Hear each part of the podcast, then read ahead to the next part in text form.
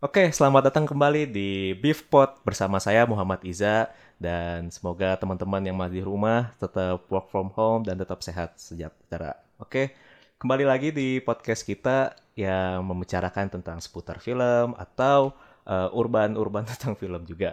Oke, kali ini kita mempunyai narasumber ya, yang sangat spesial yaitu Mas Tony Trimarsanto.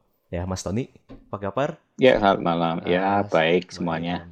Mas Tony ini adalah Ketua Asosiasi Dokumentaris Nusantara dan juga dari Rumah Dokumenter, ya Mas Tony ya? Ya. Uh, podcast kali ini kita akan membahas tentang apa sih yang ada di film dokumenter atau bisa dibilang ya apa sih karakter dari film dokumenter tersebut. Tapi sebelum kita ngomong ke situ, kita tanya-tanya dulu Mas Tony Uh, sebelum kita membahas juga, uh, Mas Tony ini udah mempunyai beberapa penghargaan juga dari luar negeri, nasional atau internasional.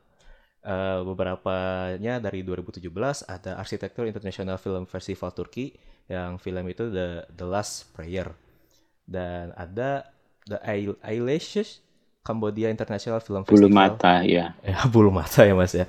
Ada 12 Wife 2015 uh, Dog by the Sea and Asian Pit Age Korea Selatan. Wah, sebenarnya ini Mas Tony udah banyak sekali penghargaannya berarti ya Mas ya. Udah dari 1997 malah. Berarti uh, Mas Tony ini udah berapa lama berkecimpung di dunia dokumenter Mas?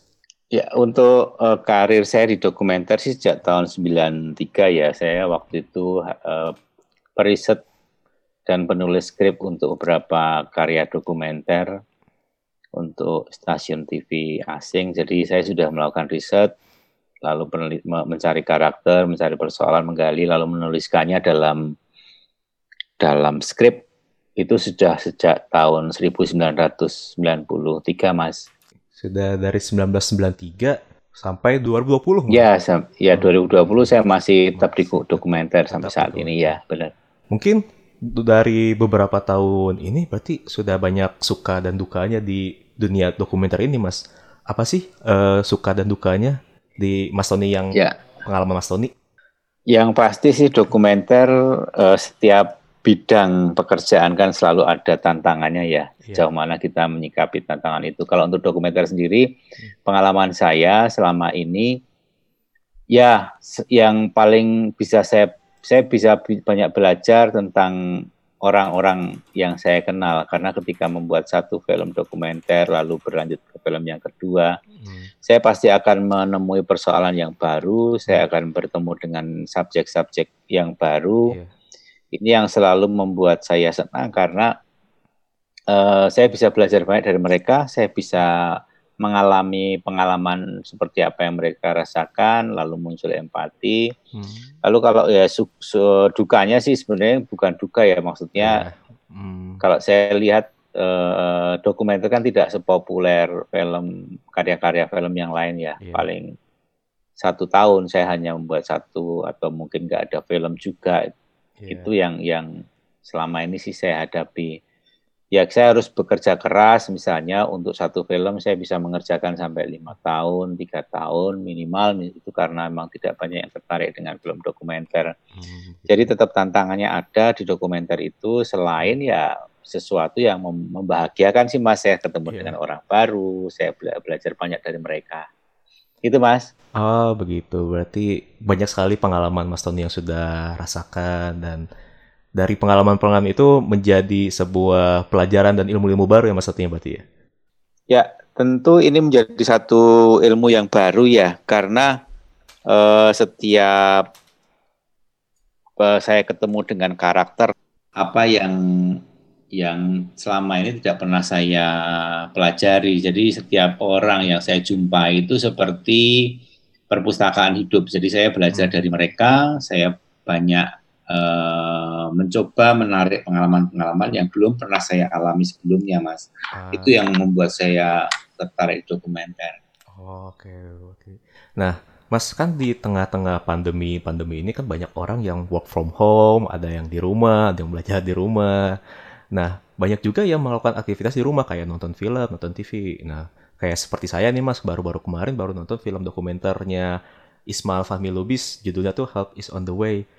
Nah dari yeah. situ kan saya jadi tertarik gitu. Wah dokumenter ternyata uh, tidak se mungkin orang ngelihat dokumenter kayak membosankan atau apa pas saya nonton ternyata wah seru juga nih ceritanya ternyata gitu. Perjalanan orang TKW yang dari awal sampai dia itu di pergi ke Tiong Tiongkok gitu mas. Nah Taiwan. eh, eh Taiwan Taiwan. Ya benar. Nah berarti uh, mungkin banyak orang awam banyak yang bertanya lah gitu uh, apa sih mas film dokumenter itu Ya kalau bicara film dokumenter, kalau dalam definisi akademisi dan sering kali yang banyak mereka yang sering banyak eh, apa didefinisikan dan menjadi bahan referensi banyak kalangan akademisi ya dokumenter itu adalah upaya untuk menceritakan kembali peristiwa ya peristiwanya iya. apa pun di mana pun kapan pun sebuah peristiwa ditemukan lalu diceritakan kembali oleh pembuatnya dengan menggunakan kacamata baru, artinya dengan menggunakan perspektif baru, hmm. lalu juga dengan menggunakan media rekam audiovisual. Jadi proses menceritakan kembali. Yeah. Jadi ada peristiwa diceritakan kembali, berarti kan bukan sesuatu yang uh, real sebenarnya, karena itu pasti akan mengalami selektivitas dalam banyak hal. Nah, selektivitas-selektivitas ini yang memang sering kali membuat karena beban bahwa dokumenter itu harus faktual, harus real, harus nyata. Itu kadang-kadang membuat film dokumenter ini terlalu berat dan menimbulkan kesan sulit untuk dipahami. Dan ada banyak perspektif yang irisan di dalamnya. Terasa beratlah film dokumenter pada sisi itu. Gitu sih, Mas. Oh, Nah, uh, tapi kan film dokumenter, dokumenter itu tetap ada sebuah cerita di dalam di dalam ya kan Mas masih ada narasinya. Benar kan? Ya, uh, setiap setiap orang itu kan senang kalau didongeng ya. Hmm. Masnya kan bang apa sejak kecil kalau didongengi bapak ibu atau kakek nenek itu kan pasti senang. Kita sejak kecil memang terbiasa dalam dunia dongeng, makanya uh, dongeng menjadi satu formula ketika membuat karya seni apa pun itu menjadi lebih hidup dan menarik karena setiap karya seni itu juga menyimpan kehidupan, menyimpan uh, memori, kenangan, informasi, peristiwa. Nah itulah yang akhirnya ditularkan dan didongengkan. Begitu juga dalam film dokumenter. Hmm. Dokumenter yang menarik adalah yang dia mempunyai struktur cerita yang uh, uh, bisa dipahami oleh bisa dipahami dalam tanda kutip ya oleh penontonnya. Artinya penonton menjadi mengerti apa peristiwa yang dikenalkan oleh yang disuguhkan oleh pembuatnya. Iya. Nah, peristiwa-peristiwa ini tentu ada satu uh, pendekatan juga ya tetap kembali lagi ke struktur baku dalam bercerita itu kan ada struktur tiga babak yang sudah di apa sudah dipahami sejak zaman dan lain-lain itu kan hmm. struktur yang lama yang sampai sekarang pun di dalam film dokumenter dia menjadi struktur acuan yang baku mas. Oh iya. Nah dokumenter supaya menarik ya itu tadi dia harus mempunyai cerita hmm. karena kan kita butuh cerita butuh teka-teki butuh sesuatu yang kejutan bagi hmm. saya sih dokumenter itu sebuah eh, apa ya dunia yang spontan dia sulit ditebak uh, dia muncul kapan pun dan selalu menciptakan kejutan-kejutan bagi penontonnya. Itu sih hmm. mas. Oh begitu mas. Nah dari film dokumenter ini kan banyak bentuk-bentuknya mis mas. Ada yang bentuk seperti wawancara, ada yang uh, hanya mengikuti subjek. Nah uh, ya. apa aja sih mas bentuk-bentuk dari film dokumenter tuh? Ada banyak sekali bentuk film dokumenter ya. Hmm. Kalau dalam dunia akademisi ataupun yang sudah dikenalkan uh, di dunia kampus ada dua hal yang sangat populer yaitu uh, ekspositori dan observasional hmm. atau mungkin juga cinema verite. Nah, uh, definisinya adalah misalnya kita selalu me melihat dokumenter itu identik dengan film yang isinya isinya wawancara ya enggak? Iya dari awal wawancara duduk orang duduk diwawancarai lampunya dikasih lampu backgroundnya bagus atau tata cahayanya bagus lalu dia ngomong berikan informasi itu struk, uh, standar film dokumenter yang dengan mudah dan dengan uh, gampang bisa dikerjakan oleh siapa pun. Dan itu pun kalau kita melihat stasiun TV itu selalu bentuk-bentuknya seperti itu dan itu memang bukan pilihan yang apa yang salah juga bukan hmm. karena itu jalan paling cepat untuk bisa menyampaikan peristiwa-peristiwa kepada penonton dengan pola-pola informasi yang tersusun lewat proses interview ataupun wawancara. Hmm. Itu yang disebut dengan dokumenter ekspositori. Definisi ini sangat populer. Oh. Lalu selanjutnya ada juga uh, gaya dokumenter observasional. Observasional ini mengobserv bagaimana uh, kita pembuat itu mengikuti subjek film ataupun subjek yang akan kita buat film. Tapi kalau kita bicara subjek itu kan bukan hanya uh, bahwa narasumber film dokumenter itu bukan hanya orang, hewan pun bisa menjadi subjek atau mungkin batu atau pohon itu kan subjek semua. Nah, dalam pendekatan dokumenter observasional ini, pembuatnya akan mengikuti karakter itu dalam jangka waktu tertentu, lalu dia mengumpulkan informasi-informasi yang acak itu tadi. Hmm. Dia seperti observasi, observasi, observer yang mencoba menyusun informasi dari subjeknya dengan cara mengikuti. Hmm. Tapi jangan pernah berpikir bahwa misalnya kalau dalam dokumenter itu tidak terstruktur ya, tetap ada strukturnya, tetap ada polanya, ada satu desainnya. Iya. Tidak lalu misalnya syuting-syutingnya gitu enggak juga. Hmm. Ketika kawan-kawan misalnya pembuat dokumenter itu datang ke lokasi ya sudah punya pikiran bahwa saya ingin membuat film dokumenter dengan struktur dan polanya seperti ini. Lalu bagaimana saya bisa mewujudkan informasinya, pendekatannya seperti apa, itu pasti ada pilihan-pilihan yang itu yang yang sering kali disebut dengan desain ketika kita ingin mengawali membuat film dokumenter. Oh. Gitu sih Mas. Dua itu yang yang populer, expository, observation ataupun ada yang juga yang menyebut dengan cinema verite juga tapi hmm. pada perkembangannya hmm. uh, orang tidak lagi berpegang pada bahwa ini dokumenter ataupun fiksi ataupun ini jenis dokumenter ekspositori atau apa. Uh, pintu yang lebar-lebar adalah hybrid, jadi cangkokan semuanya. Bahkan kalau kawan-kawan uh, Mas Yanan melihat banyak perkembangan film dokumenter dunia, hmm kita kadang-kadang sulit membedakan ini dokumenter atau bukan sih. Ini kok film dokumenter kok pendekatannya fiksi? Hmm. ini dokumenter kok campur-campur? Ada animasinya ada grafisnya ada observasional ada uh, apa ekspositori semua dicampur dimasukkan di situ. Nah ini uh, menandakan bahwa film dokumenter itu sangat lentur untuk menerima meresepsi perkembangan genre-genre film yang hmm. paling mutakhir sekalipun.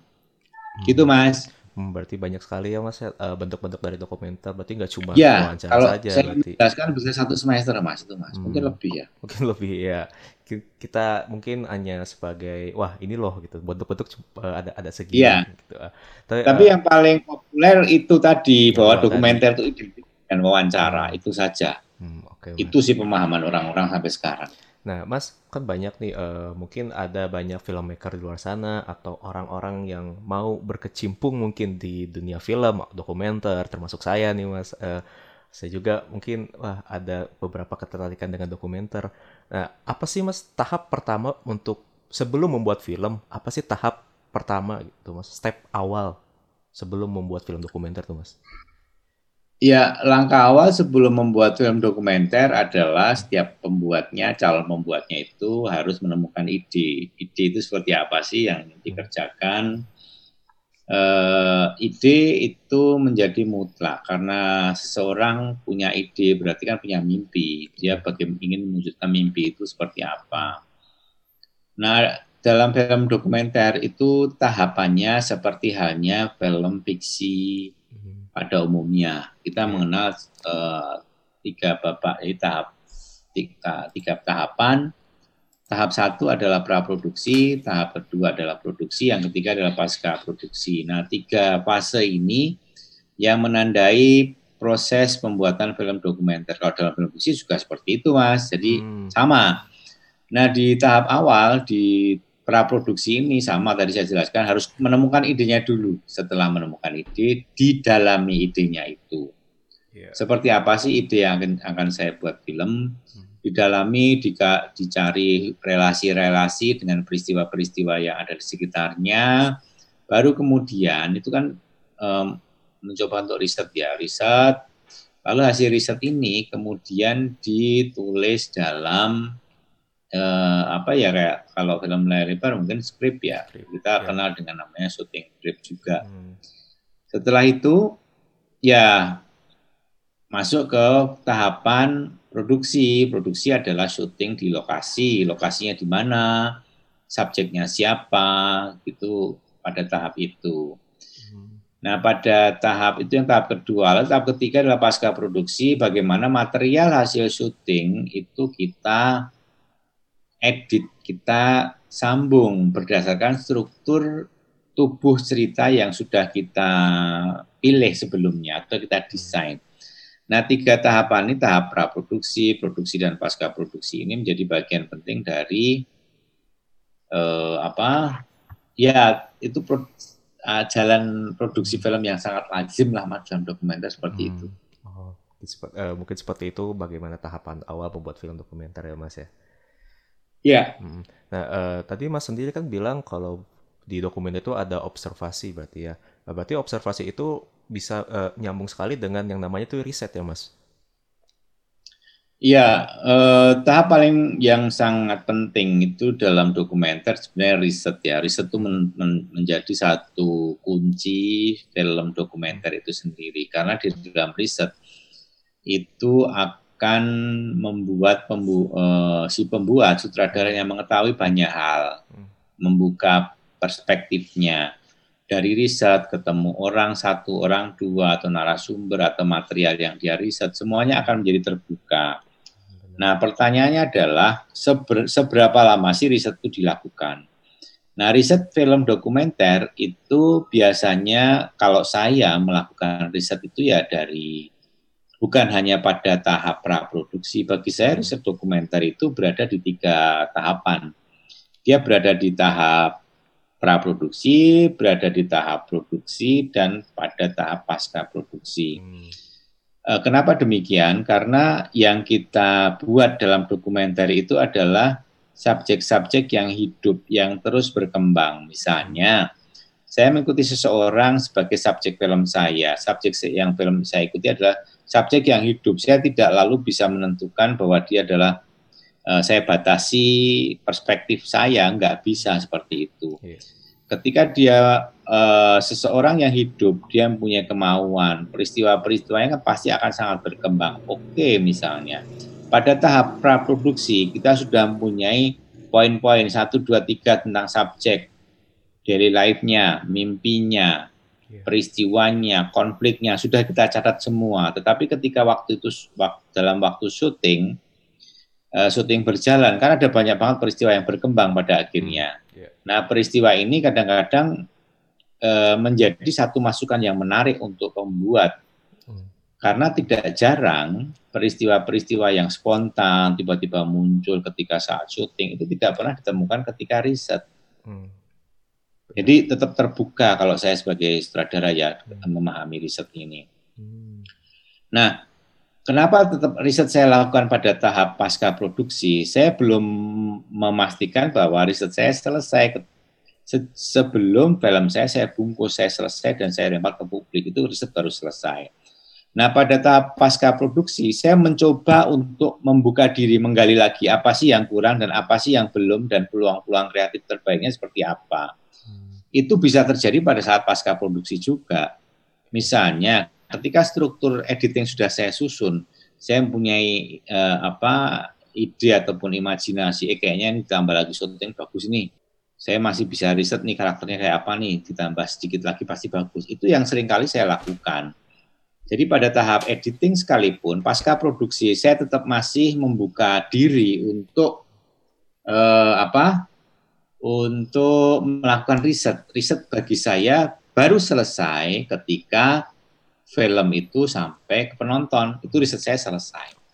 Tapi sejauh saya masih berproses mengerjakan film, riset tetap saya lakukan. Hmm. Gitu, Mas. Oh, ternyata riset itu sangat berarti sangat riset itu paling krusial dalam sebuah film dokumenter ya Mas berarti. Iya. Hmm, gak ada tanpanya ada riset berarti film dokumenter itu ya apa adanya berarti seperti itu. Ya, Mas. karena uh, yang ingin dicapai dalam dokumenter itu kan menyodorkan fakta, Mas. Ya. Jadi ketika Mas itu mempunyai ide, lalu ide itu kan baru hanya sekedar asumsi kan, asumsi pendapat awal. Nah, bagaimana kita bisa me menguatkan asumsi itu? Berarti kita butuh argumen, yeah. butuh argumen.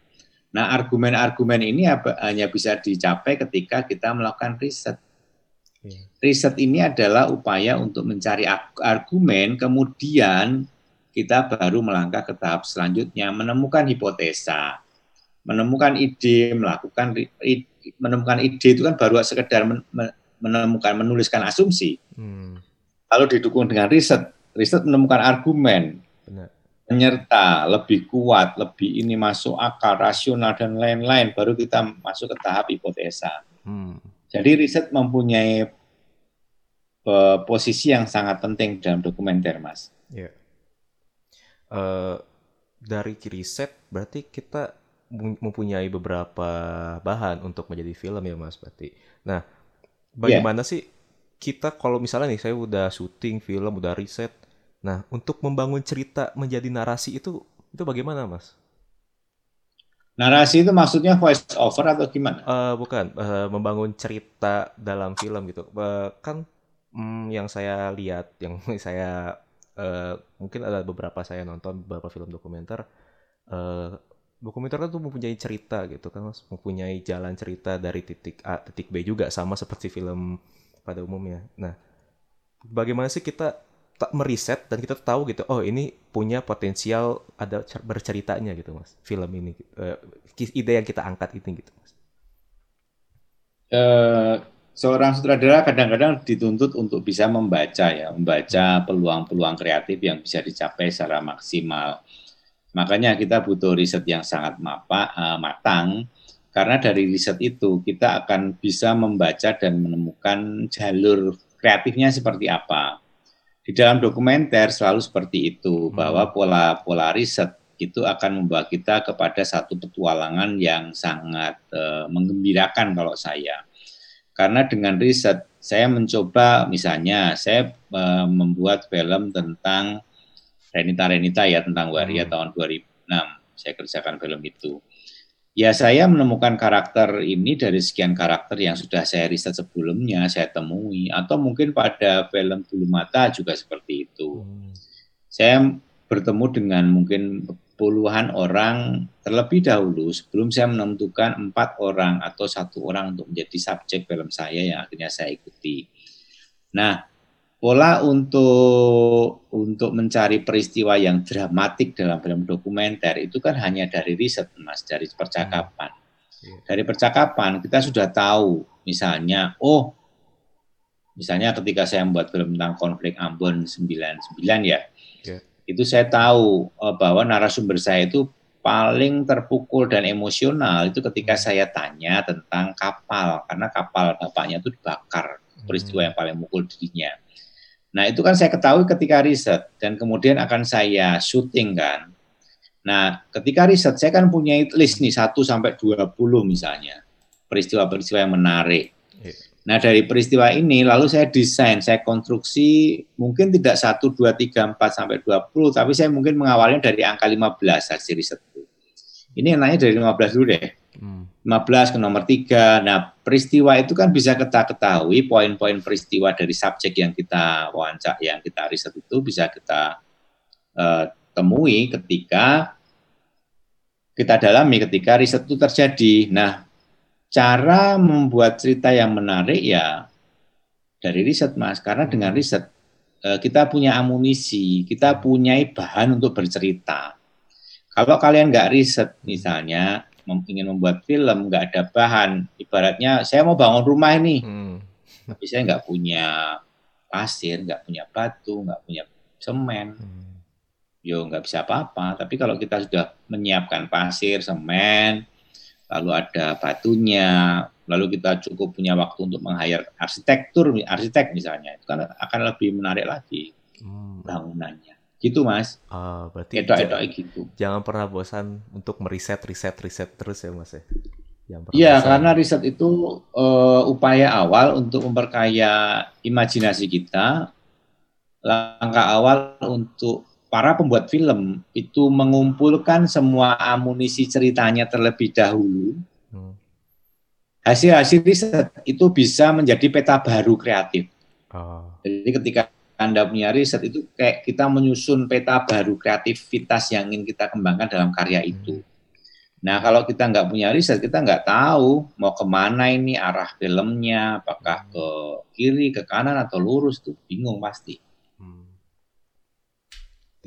Wah, sangat-sangat banyak sekali uh, yang ada di film dokumenter ini ya, mas dari kita punya ide, riset, lalu kita punya bentuknya apa ternyata. Yeah. Oke, mas, mungkin wah banyak sekali yang saya pengen tanyakan kepada Mas, tapi ya karena kendala waktu juga, mungkin Oke, kita ya, akan cukup sini. Tapi sebelum kita menutup uh, podcast ini, Mas, ada pesan atau apa yang mau disampaikan kepada orang-orang yang mau belajar untuk film dokumenter atau ingin membuat gitu, Mas? Apa? Ada sesuatu ya, patah? Film dokumenter itu kan seperti seni pada umumnya ya, bahwa kita menghasilkan karya, kita membuat karya karya seni itu kan seperti hanya kita mengkomunikasikan ide kita.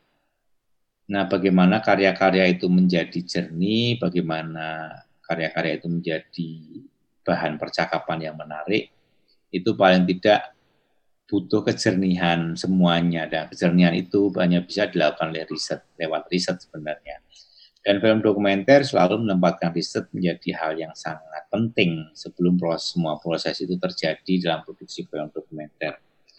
Nah, eh, riset paling tidak menjadi jembatan yang sangat uh, penting ketika kita membuat film dokumenter itu aja mas. Oh, iya. Kalau saya pesan-pesan nggak bisa ya, paling itu aja. ya nggak apa-apa mas. Oh, oh ya mas Tony terima kasih itulah mau mengisi ya. acara pra event yeah. Bandung Independent Film Festival 2020. Yeah. Uh, jangan, yeah. jangan lupa untuk cek IG-nya Mas Tony juga, Tony Trimarsanto. Ya, at... kalau enggak tolong subscribe juga ya rumah YouTube-nya Rumah hmm, Dokumenter. Rumah Dokumenter, iya iya. Ya, jadi uh, Rumah Dokumenter itu adalah satu ruang non funding ya, hmm. non profit kita bahwa kita menerima siswa mahasiswa dari berbagai kawasan. Ada yang dari Bandung kemarin dari ISBI sudah datang lima, di sini dua bulan. Hmm. Lalu gerakan kita seperti itu dari Kalimantan juga, dari Kendari. Yang paling hmm. banyak anak-anak SMK hmm. dari Jawa sebenarnya. Nah, kita, uh, saya mohon untuk silakan subscribe Rumah Dokumenter, berarti mendukung gerakan pendidikan yang kita lakukan. Ah, mantap Rumah Dokumenter. Itu aja Mas, uh, silakan subscribe. Rumah Dokumenter. Oke, Mas Tony, yeah. terima kasih telah mau ditanya-tanya nih, Mas Tony ya, malam-malam ya. Uh, mm-hmm. Untuk uh, jangan lupa juga untuk follow Beef at Beef at 2020 dan Nanti kita tuh ada uh, main eventnya juga mas di awal tahun yeah. kita, mm -mm, dipundurin apa -apa, soalnya. ya di awal ya, tahun, kan? awal tahun 2021. Oke mas, mas Tony, terima kasih. Mm -hmm. uh, jangan teman Nanti share linknya aja ya kalau sudah di mm. ini ya. Siap mas Tony, yeah. nanti aku share link. Terima kasih yeah. mas. Terima kasih juga mas Tony dan terima kasih yeah. juga yang udah mau denger dan sampai jumpa di beef selanjutnya. Dadah. Terima yeah. kasih. Selamat malam ya.